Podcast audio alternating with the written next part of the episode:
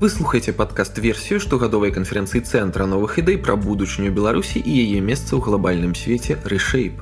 Палітычны крызіс пакуль што не так ужо і моцна адбіўся на стане эканомікі. Але як будуць змяняцца даходы беларусаў сёлета, ці паўплываюць санкцыі на эканамічны рост і як гэта адаб'ецца на дабрабыце звычайных беларусаў? Ці палітызуюць гэтыя змены ўразлівыя групы і як гэта можа адбіцца на стаўленні грамадства да рэформаў? Гэтыя ды іншыя пытанні Антон Раднянкоў абмеркаваў з экспертамі да эксперткамі ў другі дзень онлайн-канферэнцыі. Прытанне ўсім. Мяне завуць Антон Радненко я з'яўляюся дырэктарам цэнтра новых ідэй і сёння у нас пачынаецца другі дзень канферэнцыі рашэй якая цягнецца. А будзе цягнуцца гэты тыдзень.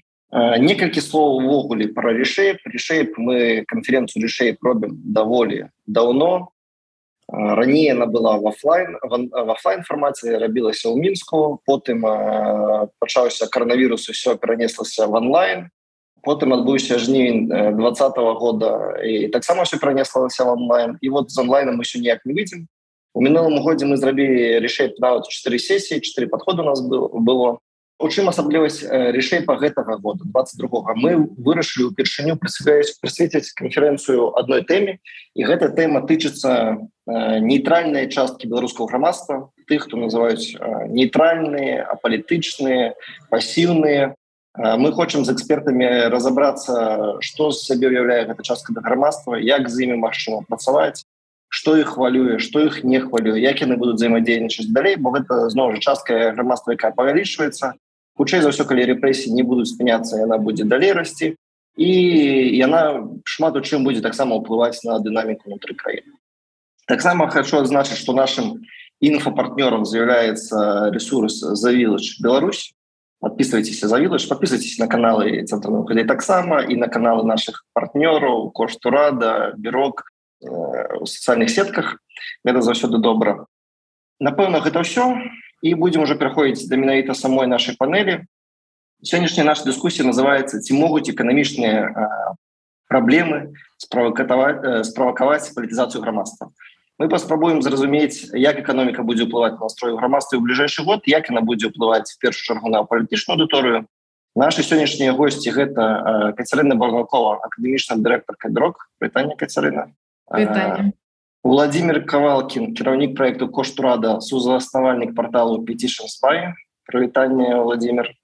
Прывітанне і незалежны сацыолог філіп бекану прытанне філіпп Андрей Казакевич не атрымалася да прытання не атрымалася далучыцца таму будзем без яго і Мабыць першае пытанне каб для ўсіх наших сённяшніх гасцёў хотелось бы пачаць такого вот реалити чеку. Пасля выбору двадцатого году чаго толькі якіх прогнозаў не было. Казалі что бізнес з'едзе эканоміка спыніцца курс рубля обвалится. Гэта все выклікае протесты по ўсёй краіне ну апокаліпсису было даволі шмат вот давайте мабыць з экспертами такі вот зробім невялікі реалити чек ці стала эканоміка ці пачала рабіцца эканоміка фактора набружанасці ў 21 годзе вот, можем сказать рынок пачаць Ну, экономика не стала фактором напряженности. Да? То есть 2021 год, э, по словам чиновников, это один там, из лучших лет за последние 15 лет белорусской экономики. Это, конечно, э, не совсем так, да, потому что рост 2,3% ВВП – это такой себе рост, 2% реальных доходов населения – это тоже плохой рост, да, но есть рост. Все это благодаря экспортному чуду. Нельзя сказать, что политический кризис вообще никак не сказывается на экономику. Мы его видим, мы его видим а, в том, что большинство людей оценивают э, свое экономическое состояние и свое экономическое будущее как такое нестабильное, видят много угроз и рисков. Это касается в том числе бизнеса, который не инвестирует. То есть инвестиции, несмотря на то, что мы живем во время беспрецедентного экспортного чуда, инвестиции продолжают падать э, второй год подряд. Вот, поэтому нельзя говорить, что политический кризис вообще прошел незаметно, но экспортное чудо пока его перекрывает. Дякую. Владимир. А, ну, катастрофы не произошло, как мы видим. А, вообще, если мы говорим про какую-то социальную напряженность, мы должны понимать, что э, если мы говорим в контексте экономики, то социальную напряженность, как правило, вызывают какие-то резкие вещи. Ну, например, а, финансовый кризис в банковской сфере или резкое падение зарплат или резкая инфляция. Всех этих факторов удалось, с одной стороны, избежать благодаря внешнеторговому чуду, да, а, с одной стороны. С другой стороны, год можно поделить на таких э, два отрезка, на два полугодия.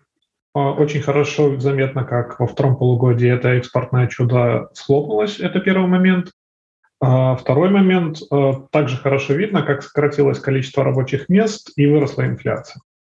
Поэтому тут скорее, если мы говорим про вторую половину года, да, то я, я не имею данных на руках вопросов, но я могу предполагать, что а, люди насторожились и озаботились, что же происходит. Вот как-то так ситуация на данный момент выглядит. Дякую. Филипп? Сразу оговорочка. Я не экономист, да, поэтому коллег э, Катерину в первую очередь прошу меня, если что, поправлять, э, если я вдруг э, как-то совсем неправильно оперирую какой-то терминологией или штуками другими. Что можно сказать? А, социальная напряженность фиксируется, да, то есть э, есть опросы прямым текстом про социальную напряженность. Связана ли она с экономикой? Мне кажется, что скорее нет. Да, то есть э, каких-то там индикаторов, э, что люди готовы, вот терпят еще чуть-чуть, а вот потом уже вот доллар там до трех прыгает, и тогда мы выходим на улицы, скорее этого всего нет. Социальная напряженность связана с эм, в значительно большей степени с ощущением безопасности своей внутри страны, да, и вот э, там коллеги общества на три группы поделили, вот одна из них чувствует себя полностью безопасно, нетрудно догадаться какая, вторая чувствует себя очень сильно небезопасно, тоже нетрудно догадаться какая, вот. Третья пытается в своих чувствах разобраться, но тоже не ощущает какой-то полной безопасности. Вот. И, соответственно, все они описывают социальную напряженность как э, со своими ощущениями безопасности.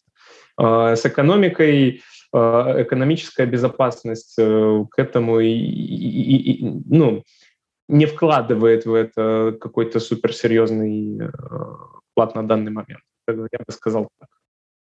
Добре. Вось э, Кацярына Владимир уже пачалі пра гэта казаць асабліва Владимир по то што пачынае гэта схлопвацца але якія прагнозы на 22 год да? як будуць змяняцца доходы беларусаў зноў жа ці паўплываюць санкцыі нейкім чынам на эканамічны рост чаго чакаць з экспартным цудам у 22 годзе якая будзе сітуацыя Кацярына Ну, экспортное чудо, если именно на экспорт смотреть, то оно никуда не схлопнулось, оно продолжается и, скорее всего, будет продолжаться, по крайней мере, в первой половине 22-го.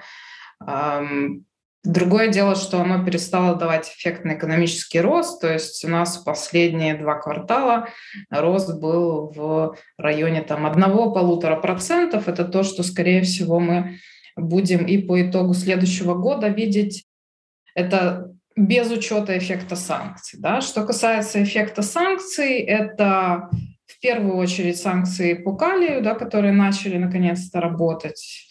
А во вторую очередь э, это санкции по нефтепродуктам, которые должны начать работать. Да? То есть э, мы должны увидеть, как э, контракты старые с Европой заканчиваются, новые не подписываются, и э, мы должны увидеть теоретически сокращение нефтепереработочного экспорта. На фоне остального экспортного чуда это вещи не такие значимые. Да? То есть у нас там экспорт за прошлый год вырос почти на 11 миллиардов, ну, потеряем мы там, скажем, там миллиарда два на калии и еще, возможно, миллиарда три на нефтепродуктах. Да, это будет неприятно, но это не будет э, критично, скажем так, да, поэтому вряд ли это скажется на э, кошельках белорусов напрямую, ну, кроме тех, кто, собственно, работает на этих самых калийных и нефтеперерабатывающих предприятиях, да.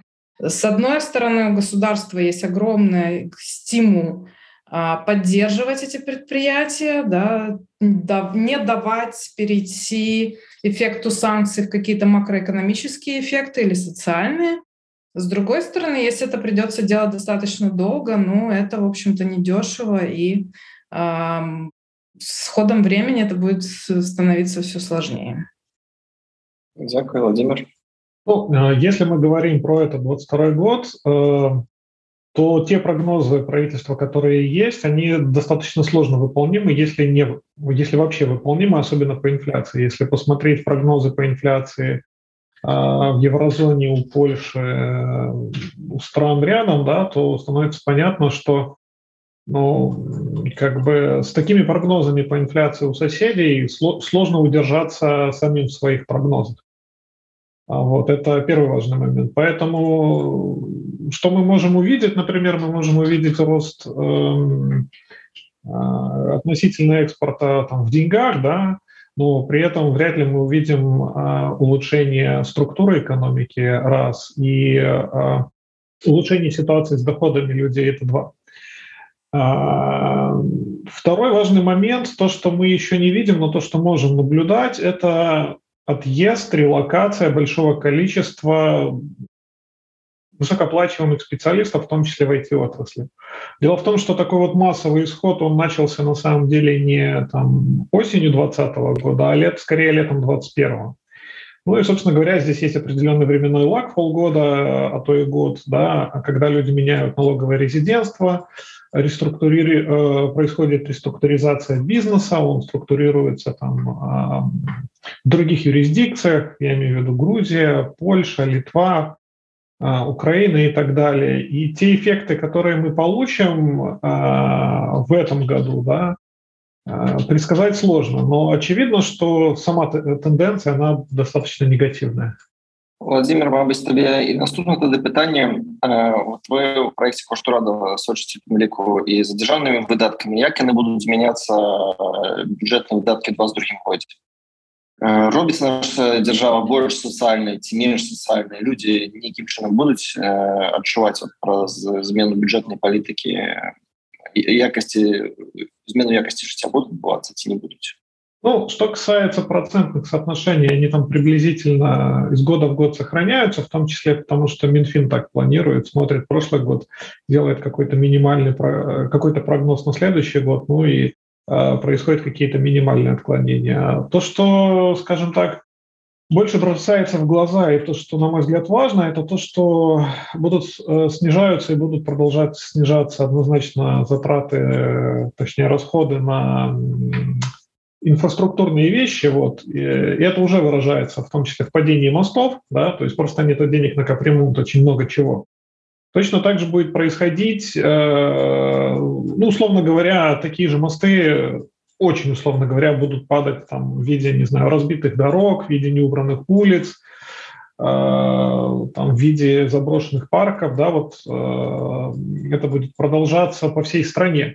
Потому что ну, в таких условиях, да, безусловно, когда есть там, а, ограничения бюджетные, в том числе по рефинансированию госдолга, придется экономить. И первое, на чем будут экономить, это вот на благоустройстве, ЖКХ, а, каких-то инфраструктурных вещах, которые там, требуют длительных инвестиций и долгой отдачи. А, ну, еще, скажем так, Новая пенсионная политика при помощи коронавируса однозначно поможет, сократив физически количество пенсионеров. Это, кстати, было уже было заметно по 2021 году. Вот, я думаю, что в 2022 году эта тема продолжится, то есть такая вот пенсионная реформа путем коронавируса, она тоже даст свои плоды, поэтому э, проседание по пенсиям пока не ожидается. Скорее всего, будет выполняться в рамках того плана, который намечен. Вот я бы так сказал. Дякую владимир. Філіп твоё пытанне частка дэмакратычнага руху лічыць што эканамічныя праблемы могуць стаць наступным трыггером для палітызацыі грамадства пратэстаў страйкаў забастовак і гэтак далей. Пры гэтым агулам беларусі даволі часто бывалі эканамічныя крызісы ранёў. Мабыць раскажы як змяняліся настрой беларусу падчас мінулых эканамічных крызісаў адбывалася тады нейкая палітызацыя ці што адбывалася з грамадствам як яно гэта перажывала А, на самом деле не первый да, экономический кризис, э, который совпадает с наблюдениями за общественным мнением.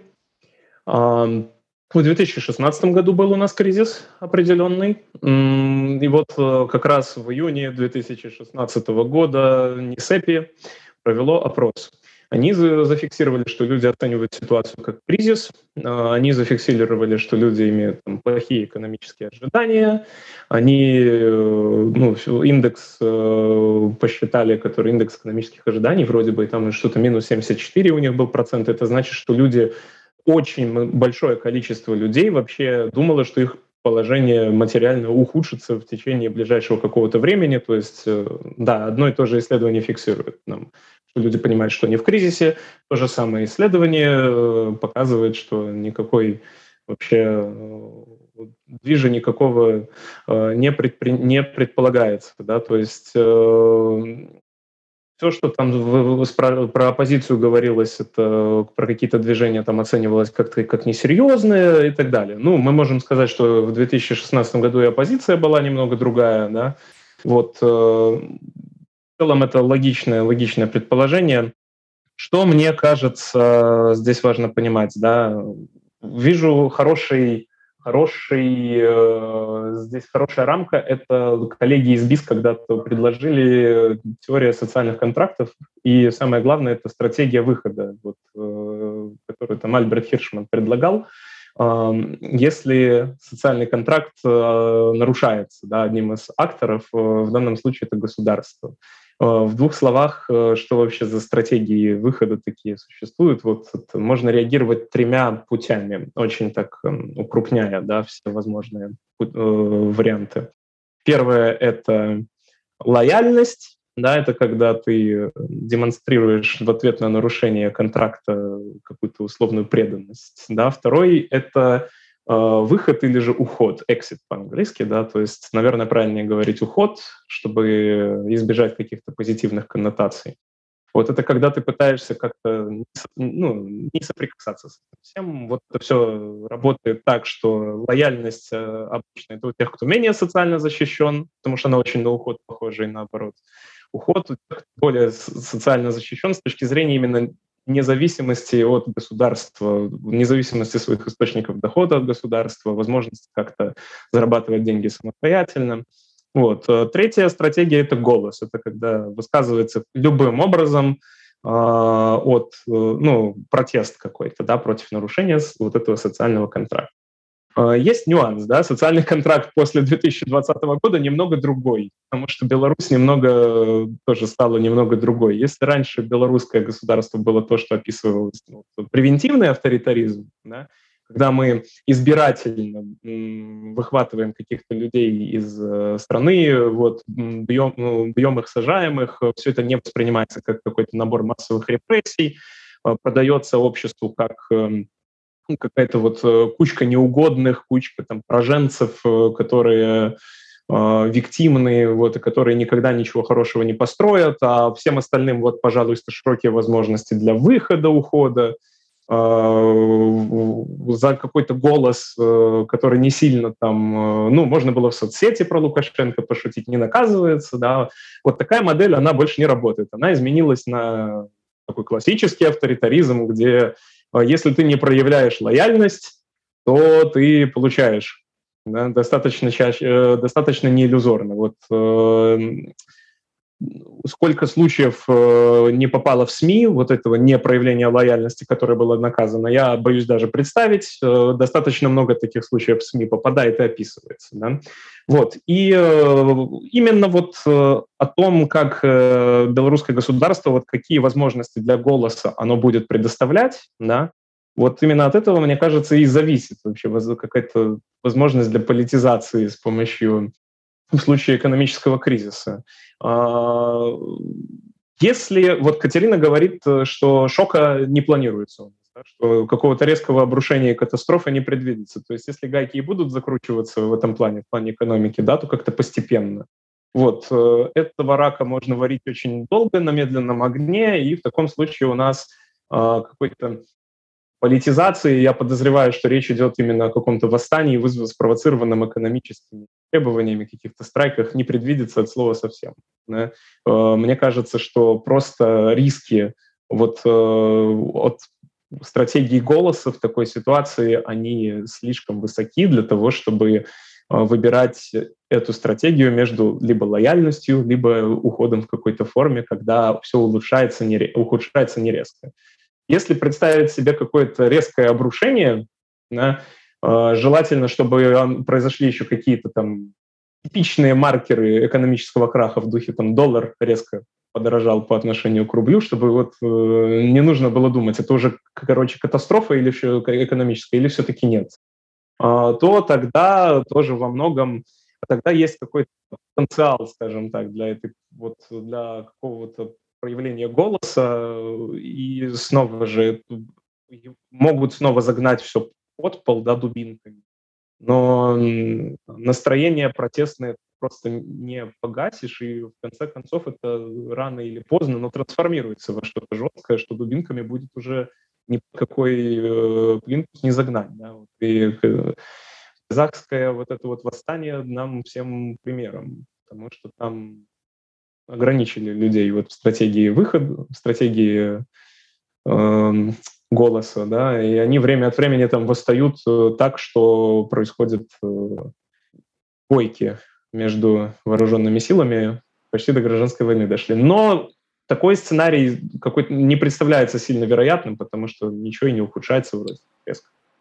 Слухай, тады табе такое пытанне на удакладненне для голосу пакуль што не выглядае так што будуць старацца нейкія ўмовы А што адносна экзіта якая частка грамадства што беларусы ўвогуле думаюць пра міграцыю і скажы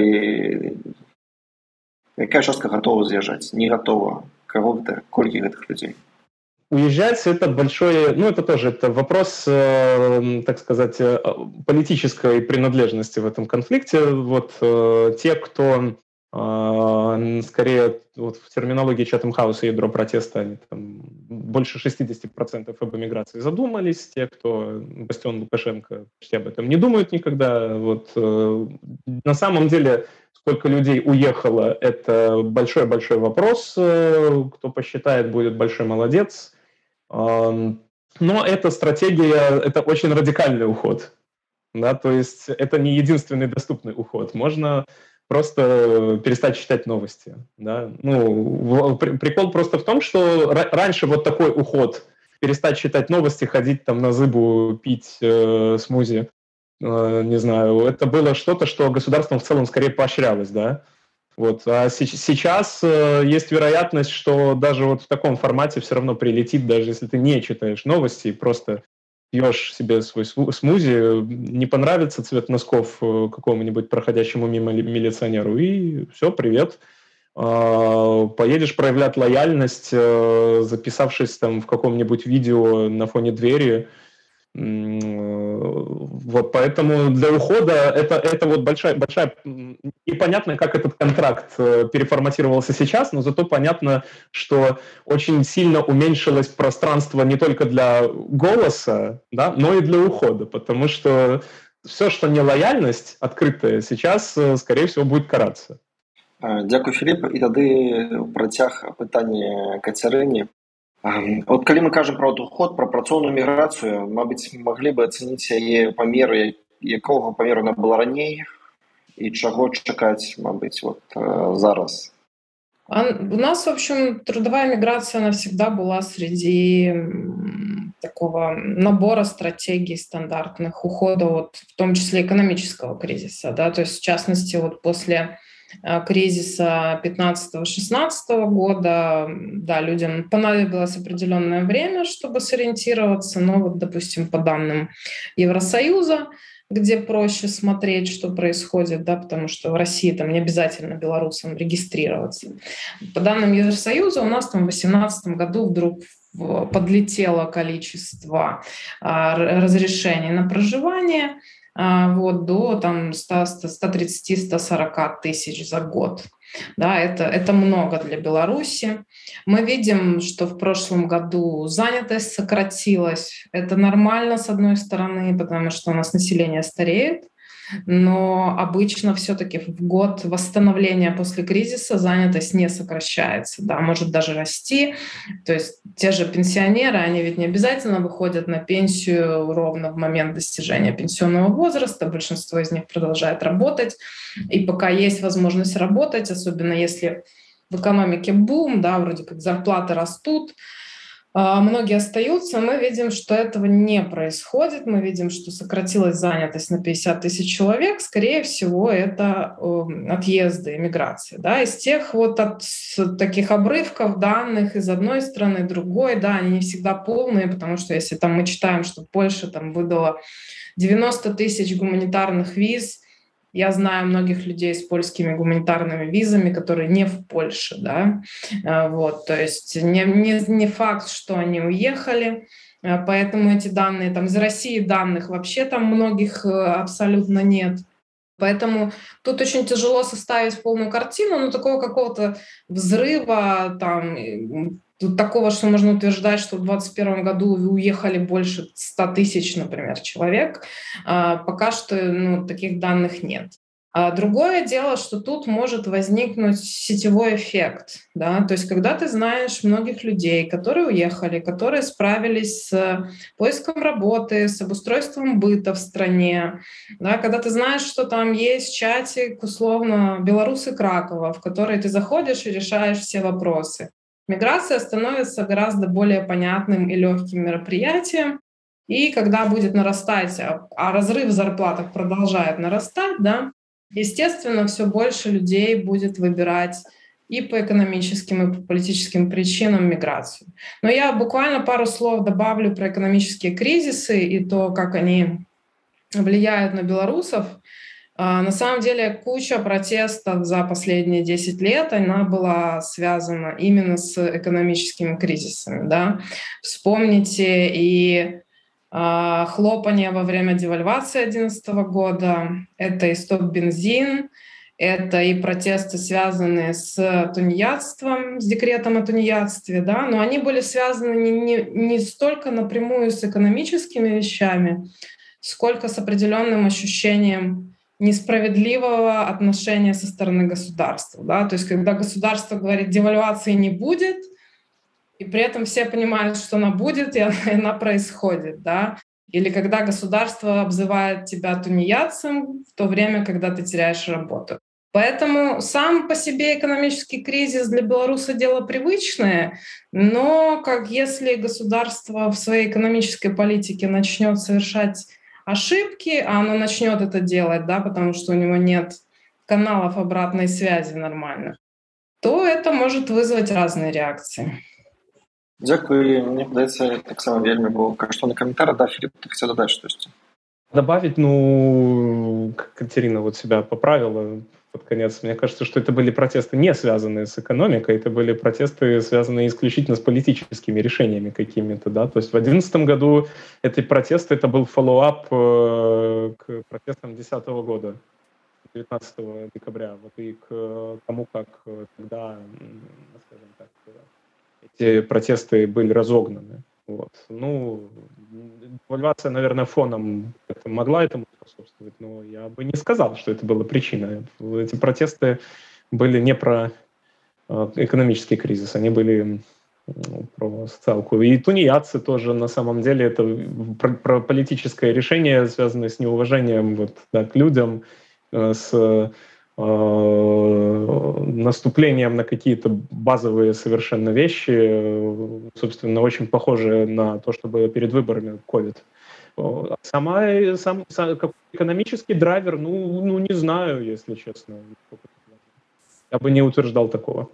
Э, Добра, мабыць перед тым як я перайду к апошняму пытанню мы зараз возьмем некалькі пытанняў якія паступілі аўдыторыі і в чаце ёсць некалькі пытанняў і в стриме поступило некалькі пытанняў давайте вось пачну нам рэгор напісаў в ютубе глядзеў напісала такое пытанне ці нарастаюць рэгіянальныя дыспрапорцыі паміж рэгіёнамі Кацярына владимир Ну, наверное, я начну. Диспропорции начали э, появляться не сейчас, они начали появляться в 2015 году и после кризиса 2014, 15, 16 годов. И эти диспропорции э, усугубляются. То есть, очевидно, появляется все больше э, отстающих регионов ввиду того, что там, условно говоря, регион, район, он завязан на какое-то госпредприятие, которое там, годами стагнирует. И по мере того, как э, снижается поддержка бюджетная, да, как снижается возможность э, поддерживать тот или иной регион из бюджета, так и, собственно говоря, стагнирует регион. Ну а Минск, конечно, он в отрыве, плюс пара районов, связанных э, с добычей калия и, соответственно, нефтепереработкой. Ну и, понятное дело, приграничные районы, они чувствуют себя относительно неплохо, в том числе за счет границ. Хотя в последние годы, понятное дело, хуже.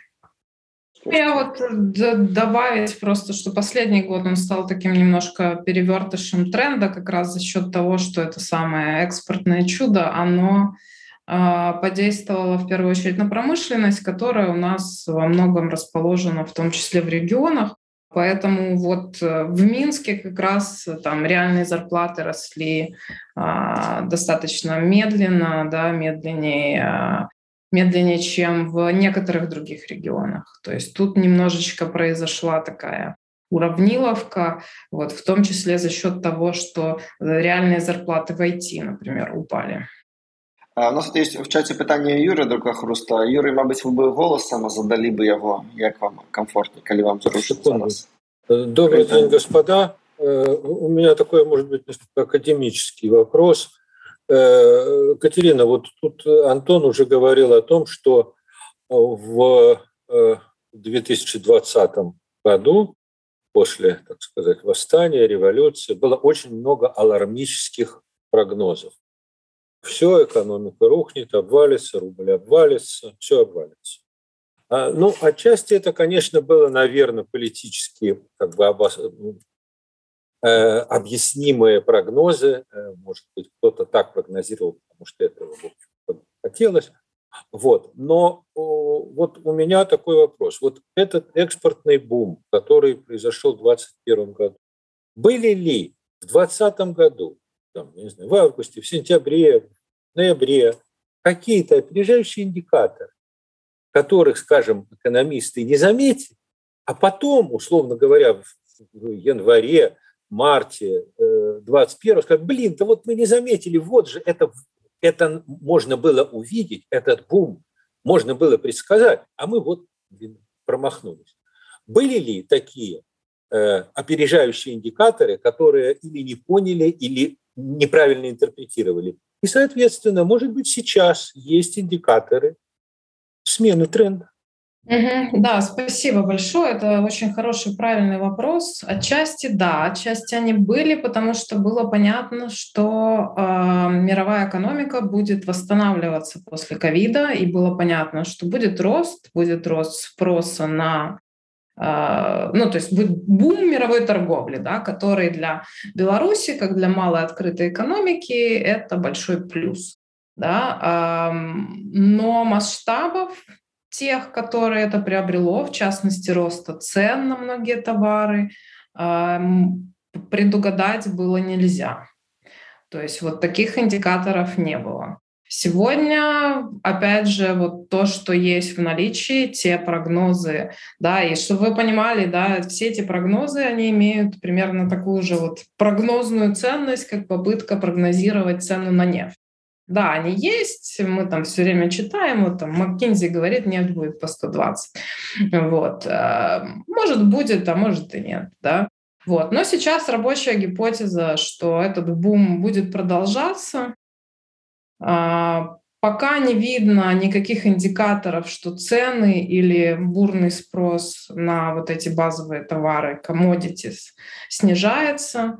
Вот. Насколько долго это будет продолжаться, это вопрос на миллиард.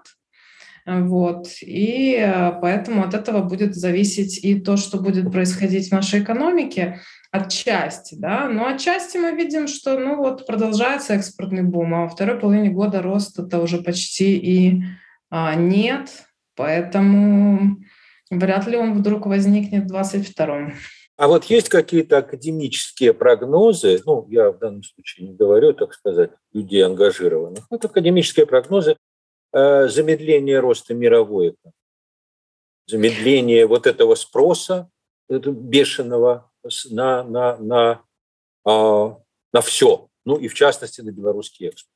Они есть, ну и э, пока что, в общем, никто не прогнозирует этого до до конца 2022 года. То есть у всех достаточно позитивный outlook до конца 2022 года. Вот, может быть, э, после меня, вот я вижу, здесь есть Дмитрий Круг, он у нас как раз готовит исследование об опережающих индикаторах. Может, он захочет буквально несколько более конкретных слов академических сказать, если он может подключиться. Вот. А если нет, ну, просто вас отошлю к тем же обзорам Всемирного банка, которые просто показывают, что да, мировой ВВП будет продолжать расти, уровень цен будет продолжать расти.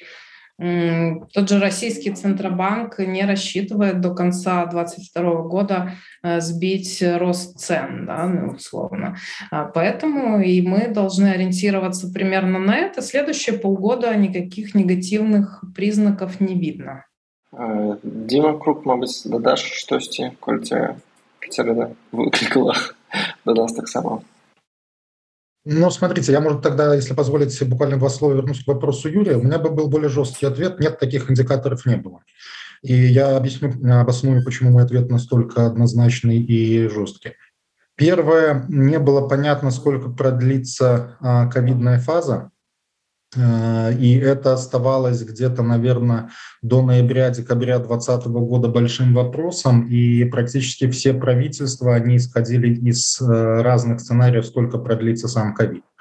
Второй момент э, активность интервенций, то есть то, что создало избыток спроса в глобальной экономике, связано с интервенциями в, развитых странах, а прежде всего США и ЕС.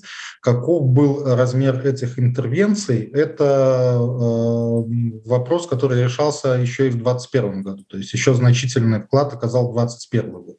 Ну и третья причина, почему я берусь утверждать, что трудно было предсказать, не то что трудно, практически невозможно было предсказать такую ситуацию, что э, здесь отнюдь не линейная связь, а большой рост а, ускоренный рост мировой экономики и внешнеторговое чудо для Беларуси еще очень сильно повлиял а, вот вследствие двух предыдущих факторов а, перекос спроса а, в мире с услуг на товары.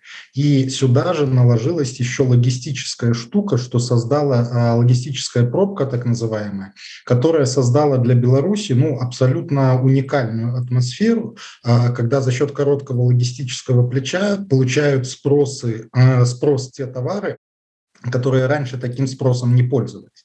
То есть я бы сказал, что здесь э, комбинация очень э, редкого набора факторов сложилась, что обусловило э, такой толчок экспорта для Беларуси. Возвращаясь к сегодняшнему дню, и можно ли найти такие опережающие индикаторы, вы говорите, нет. Тоже скажу, что нет. А, потому что, а, по сути, те, те же самые причины, а, что ситуацию, которую мы сегодня имеем, э, еще раз повторю, это комбинация очень специфическая, как быстро она будет испаряться, тоже очень а, большое количество развилок. Еще буквально три месяца назад ФРС США говорила, что инфляция не является угрозой. Еще октябрьская речь Пауэлла была, что это временное явление, мы бороться с этим не будем. А сегодня а, все центробанки мира бьют в бубен и кричат, что инфляция такая, как в 70-х годах, это новая реальность, нам надо срочно с ней бороться. И а, фактически никого уже не вызывает сомнений, что в марте будет повышение, если не двойное а, ставки, и это собьет экономический рост.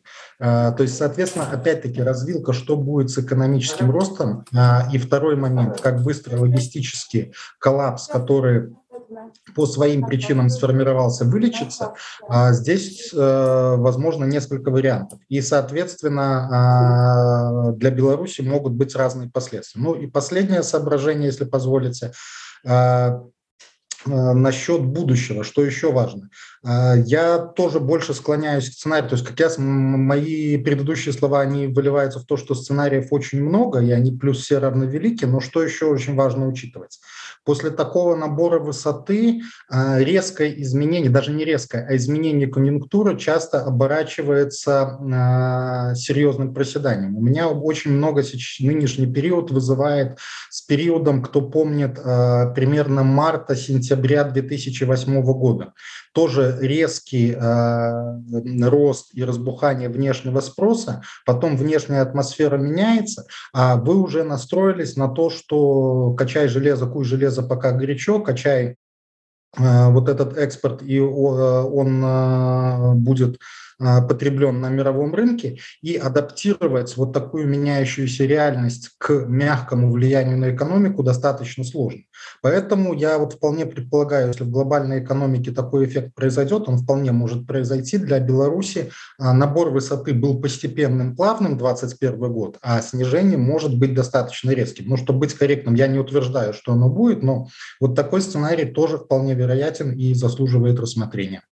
Дзякую зміцер было вельмі цікава яшчэ некалькі пытанняў які нам дасылаюць наши слухачы гледачы нет ли предпосылок поддержания уровня жизни через увеличение инвестиционной активности эмиссионного характера характера сможет ли Нацбанк противостоять такому варианту развития ситуации и как быстро это приведет к финансовому кризису просто от Ильи Катерина Владимир Мне кажется, что у нас банка есть такой э, предохранитель сейчас, да, который называется большой внешний долг э, номинированный, и не только внешний, большой государственный долг номинированный в валюте. И как только к ним приходят с предложением напечатать денег, чтобы пустить их в э, инвестиции, они говорят, ну, хорошо, мы это напечатаем, но это будет, значит, инфляция, девальвация, и потом мы как будем выплачивать наш внешний долг? Как мы будем его обслуживать, рефинансировать? Будем ездить в Россию за кредитами в три раза чаще? Вот. И я думаю, что этот аргумент, он как бы хорошо работает последние годы.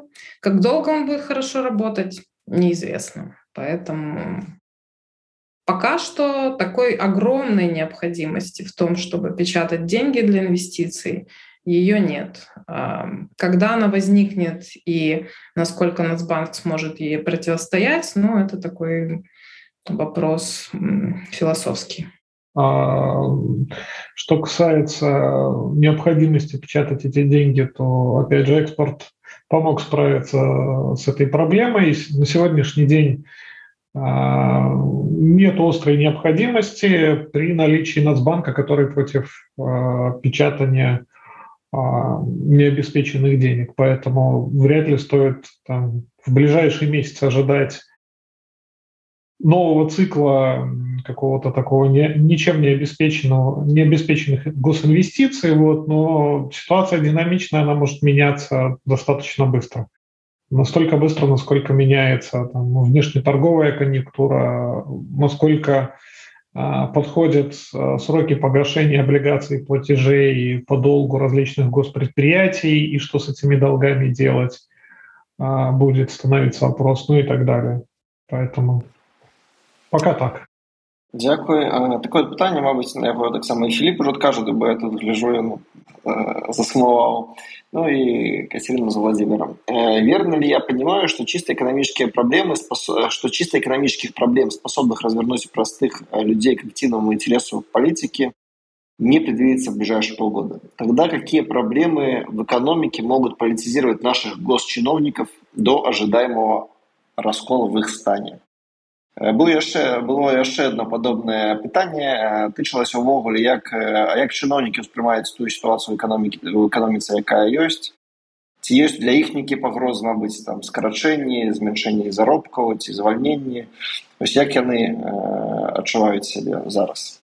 А, я если честно не думаю что в ситуации в которой вот чиновничает этот наш чудесный аппарат пребывает сейчас больше потенциала для Э, того, о чем мы говорим, говоря политизации для какого-то раскола, чем в августе 2020 -го. Несмотря ни на какое экономическое там состояние и же с ними. Потому что последние два года вычищались нелояльные, запугивались э, лояльные, проводились показательные увольнения, порки, заключения на длительные сроки. Э, думаю, что насчет раскола, э, ну, ну, не знаю, не знаю, что должно произойти. Э, я не то чтобы там сильно с чиновниками общаюсь, но э, есть у меня подозрение, что информацию они получают там не, не, не из тех же источников, из которых получают его, там, скажем, ядро протеста.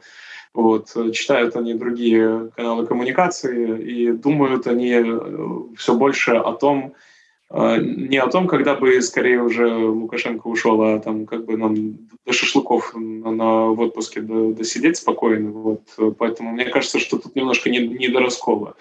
А, может ли этот раскол произойти, если вдруг случится какой-то тяжелый экономический шок? Ну, думаю, что без какого-то давления со стороны общества и без какого-то представления о том, что Лукашенко уже не тот, в чем бы оно ни выражалось, что там, не знаю, Путин не поддержит, да, или сам Лукашенко будет недееспособен, или кто-то из крупных госчиновников, из топовых чиновников вдруг э, объявит какую-то там свою потенциальную претензию, что можно, амбицию, что можно теперь вокруг него группироваться.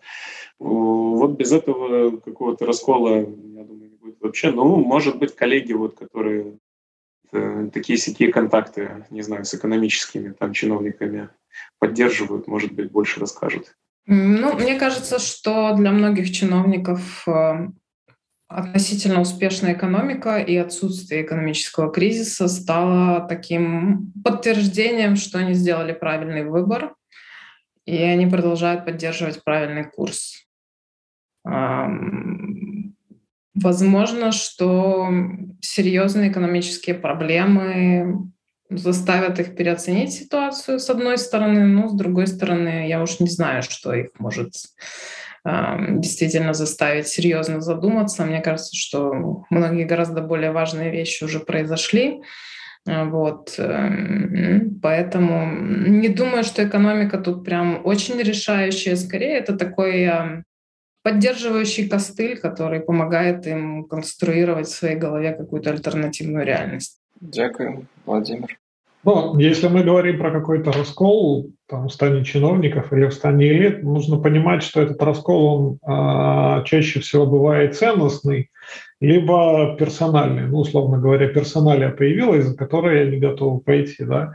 А экономика в данном случае, она всегда играет некий фон. Да? Понятное дело, что устроить раскол на фоне экономического роста гораздо сложнее, чем устроить раскол на фоне экономического спада, да, потому что когда ценности не совпадают, начальник дурак, еще и зарплата падает и увольняют, то это неприятненько и хочется пойти за чем-то новым. А когда зарплата растет, как бы, то, а начальник дурак и по ценностям с ними более-менее совпадаешь, ну и да и бог с ним, с начальником дураком. Сам стану начальником, сам стану вести себя так, как он. Вот.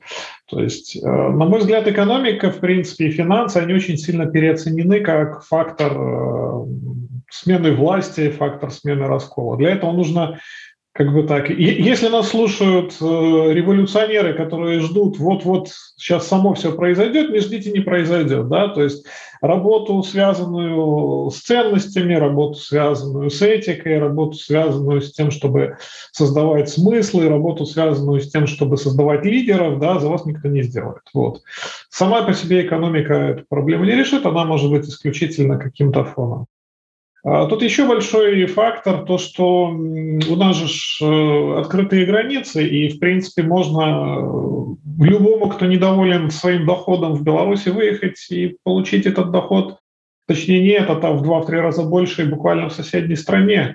А вот возьмем, например, Польшу. Ну, получить гуманитарную визу вообще без проблем. Это виза D, она дает возможность э, официально трудоустроиться на сегодняшний день в Польше. На сегодняшний день в Польше без знания польского языка можно взять коробку там, желтую, закинуть на спину и развозить еду по городу, и при этом там, зарабатывать 800-900 долларов нетто а, значит, себе на жизнь, что будет, ну, явно практически в два раза выше, чем там а, у большинства белорусов на сегодняшний день. То есть без, без каких-либо инвестиций ты можешь просто переехать в Польшу и здесь зарабатывать больше.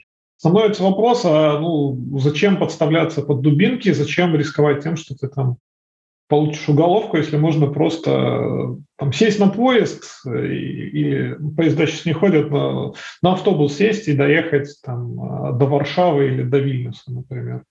То есть ценность протеста, она при таких дисбалансах очень сильно падает. Вот у меня Дякую, Владимир. Мне падаецца ты зрабіў вельмі добры такой сегвей к апошняму пытанню якое я хотел задаць усім на усім вам сёння я вот перед дыскусіяй чытаў быў раней такі телеграм-канал называўся кастрычніцкі эканамічны форум ну і кастамічны форум яшчэ быў таксама Вось і там у канцы 19 -го года у іх была рубрика рызыкі рызыкі кэф на двадцаты год і адна з гэтых рызыкаў фармулявалася такім чынам што грамадства памянялася грамадства лічыць што роля эканомі роля дзяржавы ў эканоміцы павінна быць меншая грамадства лічыць што прыватны сектар больш паспяховы чым дзяржаўны сектар грамадства хоча лібералізацыі і э, калі ўлады на гэты выклік в этом канале кэф пісала што калі ўлады падчас кампаніі два -го года на гэты выклік э, не адкажуць зноў прапануюць э, мінушчыну а не будучыню то гэта можа выклікаць напружанне ў грамадстве. У прынцыпу яно шмат у чым так адбылося шмат хто про гэта казаў што мне дзякуючы гэтым каштоўнасным зменам у грамадстве і адбыліся падзеі два -го года. Пры гэтым вот, паша данайка часта кажа пра івана красціва які тым ліку праблемы з дэмакратызацыяй рэгіёна цэнтральнай усходняй Еўропы звязвае з тым што вот тое што казаў владимир людзі некаторы з'язджаюць з'язджаюць на захад зноў жа зараз прапаганда можа выконваць выкарыстоўваць все гэтыя захады з захаду да нейкія мерапрыемствы захаду каб абгрунтоўваць свае палітыкі павышэнне падаткаў змяншэнне эканамічнай сітуацыі пагаршэння да і гэта все так інакш будзе ўплываць на настрой грамадстве частка будзе з'язджаць частка будзе весціся на гэтую прапаганду. Увогуле наколькі моцныя гэты вот грамадскі установку установкі на лібералізацыю наколькі яны ўвогуле могуць змяняцца вот под гэтымі фактарамі якія мы сёння абмяркоўвалі? Ці будуць яны змяняцца? Ну мабыць кацярыны пачнем мы давно видим в общем такой крен к позитивному оценке А, рыночных реформ, а, частных, частной формы собственности в целом. И это связано с тем, что у белорусов есть достаточно обширный негативный опыт взаимодействия с государственным сектором, и при этом нет обширного негативного опыта взаимодействия с частным, как, который есть условно в России, Украине, где а, реформы привели к э, э, олигархизации, коррупции и прочим плохим вещам. А, я не думаю, что текущая ситуация каким-то образом что-то изменит. Да? Есть исследования, которые показывают, э, что люди меняют свое отношение к экономическим системам часто в результате кризисов. Но это изменение, оно зависит от того, а, что они думали раньше про про свою экономику, да. То есть есть исследование, например, которое сравнивало реакцию Восточной и Западной Украины на экономический кризис, и оно как раз показывает, что там вот в Восточной э, Украине э, люди считали, что государство очень много вмешивается в экономику, да, после кризиса они там стали говорить, что надо меньше вмешательства. В было ровно наоборот, да. А, то есть один и тот же кризис привел к а, разному переключению оценок. У нас, э, я не думаю, что экономика сильно изменилась, наоборот, роль государства выходит сейчас э, на первое место, а, поэтому любой экономический кризис, мне кажется, он будет э, в людях эм, позитивное отношение к рыночным реформам, наоборот, эм, воспитывать. Да? Другое дело, что если этот кризис будет напрямую как-то связываться с санкциями, да, он может, конечно, привести к какому-то негативу в сторону тех политиков, которые за эти санкции агитируют. Дякую, Катерина. Филипп, может быть, давай ты. А, на самом деле Катерина вот правильно все говорит, э, забрала у меня все тезисы для ответа на этот вопрос. Будут ли меняться эти установки? Нет, не будут. почему вообще есть запрос на, это, на этот э, рынок. Ну, не стоит его прям таки переоценивать, да, не стоит э, э, думать, что у нас тут, я не знаю, laissez-faire экономический рай.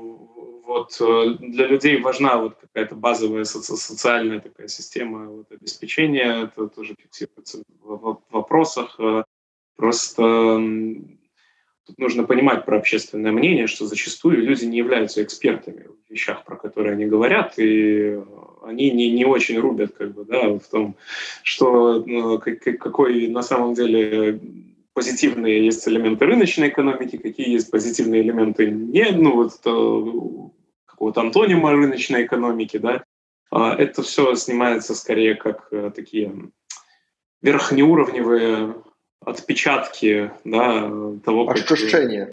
Ощущение, да, все хорошее слово, да, верхнеуровневое ощущение.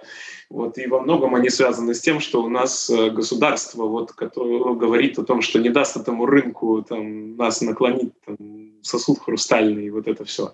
Да? А, ну, люди при этом четко ощущают, что кризис на дворе, да, то есть идентифицировать какие-то экономические ухудшения они способны. Ну и раз, короче, мы не рыночная экономика и у нас все плохо, то, ну, наверное, рыночные реформы нам нужны, да, если все плохо, не работает, вот, э, при этом это парадоксальным образом может сочетаться с желанием, там, чтобы социалочка была какая-то гарантированно обеспечена. Вот, поэтому я бы не был таким прямо-таки, э, не утверждал бы, что белорусы — это суперрыночные оптимисты.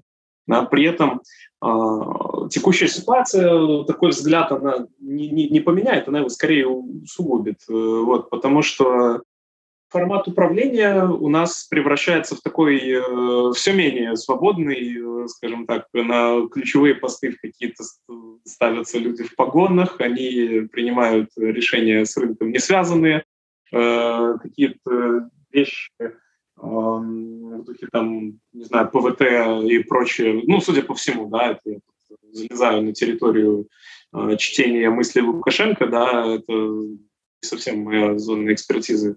Вот. Но, судя по всему, он э, не очень любит, когда какая-то сфера э, вот, экономической деятельности от него независима. Соответственно, если там дать им сильно дофига свободы, то вот, э, ну, это приводит там, к революциям 2020 года, поэтому гаечки будут закручиваться, вот, и э, экспортно-экономическое чудо, это, конечно, очень хорошо, но люди-то этих экономических чудес, в принципе, не, не сильно как-то чувствуют, да, вот. сползаем, но медленно. И, соответственно, э, раз э, вот наше закручивание гаечек не приводит к улучшению жизни, ну, наверное, надо гаечки раскручивать. А, вот такой, такой тренд э, на изменение общественного мнения по вопросу, нужны ли нам рыночные реформы, я, бы, э, я был бы готов прогнозировать да, в какой-то обозримой перспективе. Если вдруг э, у нас внезапно наступит, там, не знаю, 2008 год снова, да, или какой седьмой, да, когда там ВВП рос, Катерина, вот поправь, не помню, когда это дело было, но когда рос ВВП по 8%, да, и все начинали жить лучше, веселее, вот, то тогда да, тогда может быть. Но сейчас такого, мне кажется, не будет. Дякую, мабуть. Владимир Богдаш. Ну, если мы смотрим, опять же, на экономику как на фактор такой политический, да, то вот эти все слова вроде реформы, реструктуризация, свободный рынок, они ну, настолько абстрактны для среднестатистического человека, настолько не вдохновляют, не мотивируют и не впечатляют, что, ну, понятное дело, что вот под, под дубинки, там, под уголов, под уголовные дела за это никто не полезет. Ну, полезут, но полезет ну, немного, да. Вот, самых таких, может быть, мотивированных людей, то, скорее всего, не, не по причинам рынка, а по каким-то другим причинам. Вот. Другое дело – это собственность, это накопление, да, то есть вот это понятно, это свое, да, вот, там, не знаю, лежало на счете какое-то количество рублей, бах, девальвация, все, половину денег отняло государство через девальвацию. Вот это человеку понятно. Или там начали конфисковывать имущество, или отбирать бизнес начали, да, отжимать. То есть по разным причинам. Вот такие вещи, да, они заставляют там, условно говоря, вот этот массовый электорат, да, то есть наемных работников, мелкий средний бизнес, задумываться о необходимости каких-то рыночных преобразований, институтов и вот всех тех абстракций, про которые мы говорим.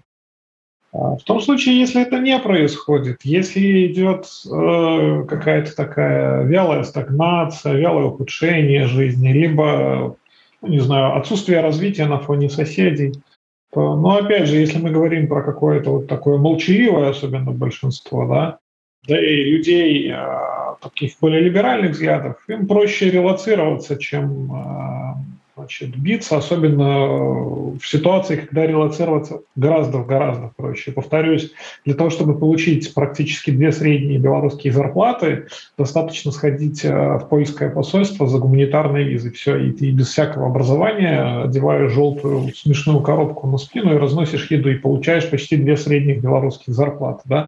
Ну, как, какой смысл за, за что-то там биться, за какие-то абстрактные рынки, когда вот порог для входа в другую сторону настолько низок, с одной стороны, да, то есть почти ничего от тебя не требует. И с другой стороны, ты тут и зацепиться можешь и дальше как-то развиваться. Поэтому, поэтому экономика на сегодняшний день, на мой взгляд, не фактор. Ну, до тех пор, опять же, повторюсь, пока не начнут отъем имущества. А отъем имущества может происходить разными путями. Это не обязательно как в этих а, карикатурах, а, выселили айтишников и заселили, значит, туда семью ОМОНовцев. Нет, это отъем имущества, он происходит в том числе и через девальвацию, через обесценение вкладов, ну и так далее. Через падение цен на недвижимость. Вот, вот такие вот вещи, понятные человеку, когда вот посмотрел на счет, посмотрел в карман, посмотрел вот вокруг себя и все понял. Причем это должно происходить резко. Вот я бы так сказал. Спасибо. Дякую, Уладзь. І калі вы пачалі адказваць, нам прыйшло такое пытанне э, в каментарах. Пытанне такое. Па даследаванню, якое праводзіў на сваім канале расійскі эканаміст Григорый Бажэнаў, Беларусь займае другое месца ў Еўропе па даверу к прыватнаму бізнесу. Першае месца Швейцарыя. Магчыма, такі незвычайны для ўсходняй Еўропы стан менталітэту зможа стаць падбуркам к таму, каб стаць кантынентальным сінгапурам пасля відавочна перамену ў уладзе. Вось вось такое было пытанне что вы про гэта думаете Филипп поднял руку. Филипп Тут может быть два варианта. Я где-то уже слышал, да, про вот эту вот э, Вадим Баженов, вот э, про, про то, э, про тот опрос, который он то ли проводил, то ли приводил. Если приводил, то я все понял, да, это опрос, который э, делал когда-то ИПМ, э, если мне память не изменяет, и сравнивал там что мы вторые после Швейцарии. И здесь, я думаю, отпечатаны вот именно те вещи, про которые я и Катерина говорили вот в предыдущих ответах. А, я не думаю, что это поможет нам стать европейской Швейцарией, или, божечки, европейским Сингапуром, а, а, потому что это очень верхнеуровневые отношения к э, рыночным каким-то реформам было у нас замерено. Э, то есть, да, отторжение там сами слова не вызывают, и э, предприниматели люди пока как класс не, не ненавидят, да, вот, но при этом за, запрос какие-то вот эти государственные услуги и помощь, он никуда не делся. Вот если это исследование правильно помню, там сильно касались этой темы.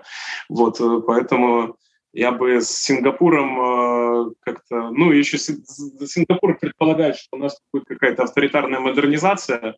Эм, в целом было популярно, мне кажется, такое заблуждение среди ряда аналитиков. Вот я и сам в 2015 году думал, что такое возможно, да, что мы как-то можем эволюционировать э, наш чудесный режим. Но, как мы видим, а, надежды построить тут э, Сингапур разбиваются о том, что во главе корабля стоит э, не Ли Куан Ю немножко, да, вот э, что в целом гораздо более вероятно было, чем то, что Лукашенко окажется Ли Куан Ю. Ну и вот поэтому думаю, что ни то, ни другое нам не обещает Сингапура. Главным, главным образом, конечно же, нам не обещает Сингапура то, что Лукашенко в целом левых взглядов человек, э, небольшой фанат всей этой личной инициативы. Вот, и думаю, будет душить ее при каждом удобном способе, случае. Ну, там питань было тим ліку і після сиходу Олександра Лукашенка. Ось. Э, Катерина, а. мабуть. Да, ну тут э, как бы поддержу Филиппа. Проблема Сингапура в том, что он такой один. И, видимо, это скорее какая-то счастливая случайность, чем такая закономерная возможность автократиям стать успешными экономиками. Ну да, конечно, Беларусь при э, переменах политических может стать ну, скажем, экономикой знаний, да, экономикой нации стартапов, такой же, как Израиль, условно говоря. Э, Беларусь уже добилась на поле технических, технического предпринимательства достаточно много. Это не только речь про IT, речь и про а, приборостроение, например. Да, все это без а, должной инфраструктуры поддержки этого технологического предпринимательства. Мне кажется, что если бы у нас э, были рабочие законы, а, суды и нормальная система поддержки предпринимательства, то вполне белорусские стартапы покоряли бы мировые горизонты гораздо активнее, чем они это делают сегодня. Ну, я, от себя, да, я от себя скажу, наверное, что в Беларуси просто нет другого выбора, кроме как экономики знаний, потому что в Беларуси больше ничего и нету. Да? То есть есть люди, и вот что если люди могут сделать, то, то и будет. Если мы смотрим на экономический рост, на экономическое развитие, то, по сути, это единственный путь, а, возможный в плане развития. Какая альтернативная модель может быть? Э, мы видим, это отсталый колхоз с субсидиями из России. Да? То есть это вторая концепция, борющаяся с другой концепцией. Вот и все. Как бы, что, что касается тех опросов, мне кажется, вот Катерина про это говорила, я, может быть, тоже вкратце повторю, что ну, вот в России и в Украине противоположные взгляды связаны как раз-таки с тем, что произошла приватизация нечестная, по мнению граждан, да, поэтому они хотят больше государства. У нас приватизации не произошло, поэтому есть какие-то, как мне кажется, завышенные ожидания в отношении того, что придет бизнес, придут предприниматели, появится рыночек, и рыночек все порешает. Ну, рыночек чтобы порешал, на примере США можно посмотреть, нужно не менее 200 лет, да, подождать, чтобы рыночек порешал. Вот, и пришел в какое-то более-менее такое а, цивилизованное состояние, устойчивое, да.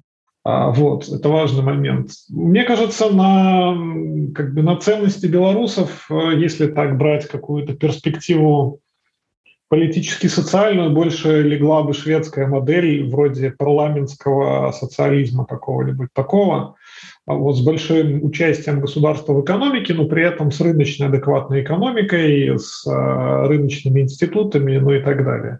Вот. Я, я бы не очень надеялся на такой вот прям а, либерализм в виде его истоков, потому что, мне кажется, через год э, либерализм, вот такой вот дикий либерализм, дикий Запад, он приведет к новому Лукашенко, ну и будет следующий цикл отстающего колхоза на дотациях из России. Вот. Так что, если я вижу такой вот рост развития страны, да, развития общества, то с точки зрения такой политическо-социальной это а, шведский парламентский социализм, с точки зрения экономики я вижу экономику знаний а Израиль. Вот, наверное, это наш путь. Если мы им пойдем, то состоимся как страна и как общество. И найдем свое место в этом мире. Не толькі у Польшчы працаваць даставкі глава напэўна на гэтым будзе на гэтай пазітыўнай ноце мы будзем скончваць сённяшнюю нашу дыскусію хочу паўдзячыць нашим сённяшнім спікерам філіпу кацярыне владимир ладзю Дзякую што далучыліся сёння нас дыскусія у нас была пра ці будзе эканоміка новым трыггером для палітызацыі як мы пачулі што хутчэй за ўсё хоць гэта пытанне на пару мільярдаў на хутчэй за ўсё нейкіх вялікіх эканамічных турбулентаў няма але пры гэтым запыт у грамадстве на нейкую дэмакратызацыю на нейкую лібералізацыю будзе захоўвацца. Дзякуй усім хто сёння быў з намі што далучыліся. Дзякую яшчэ раз спікерам. Да павышэння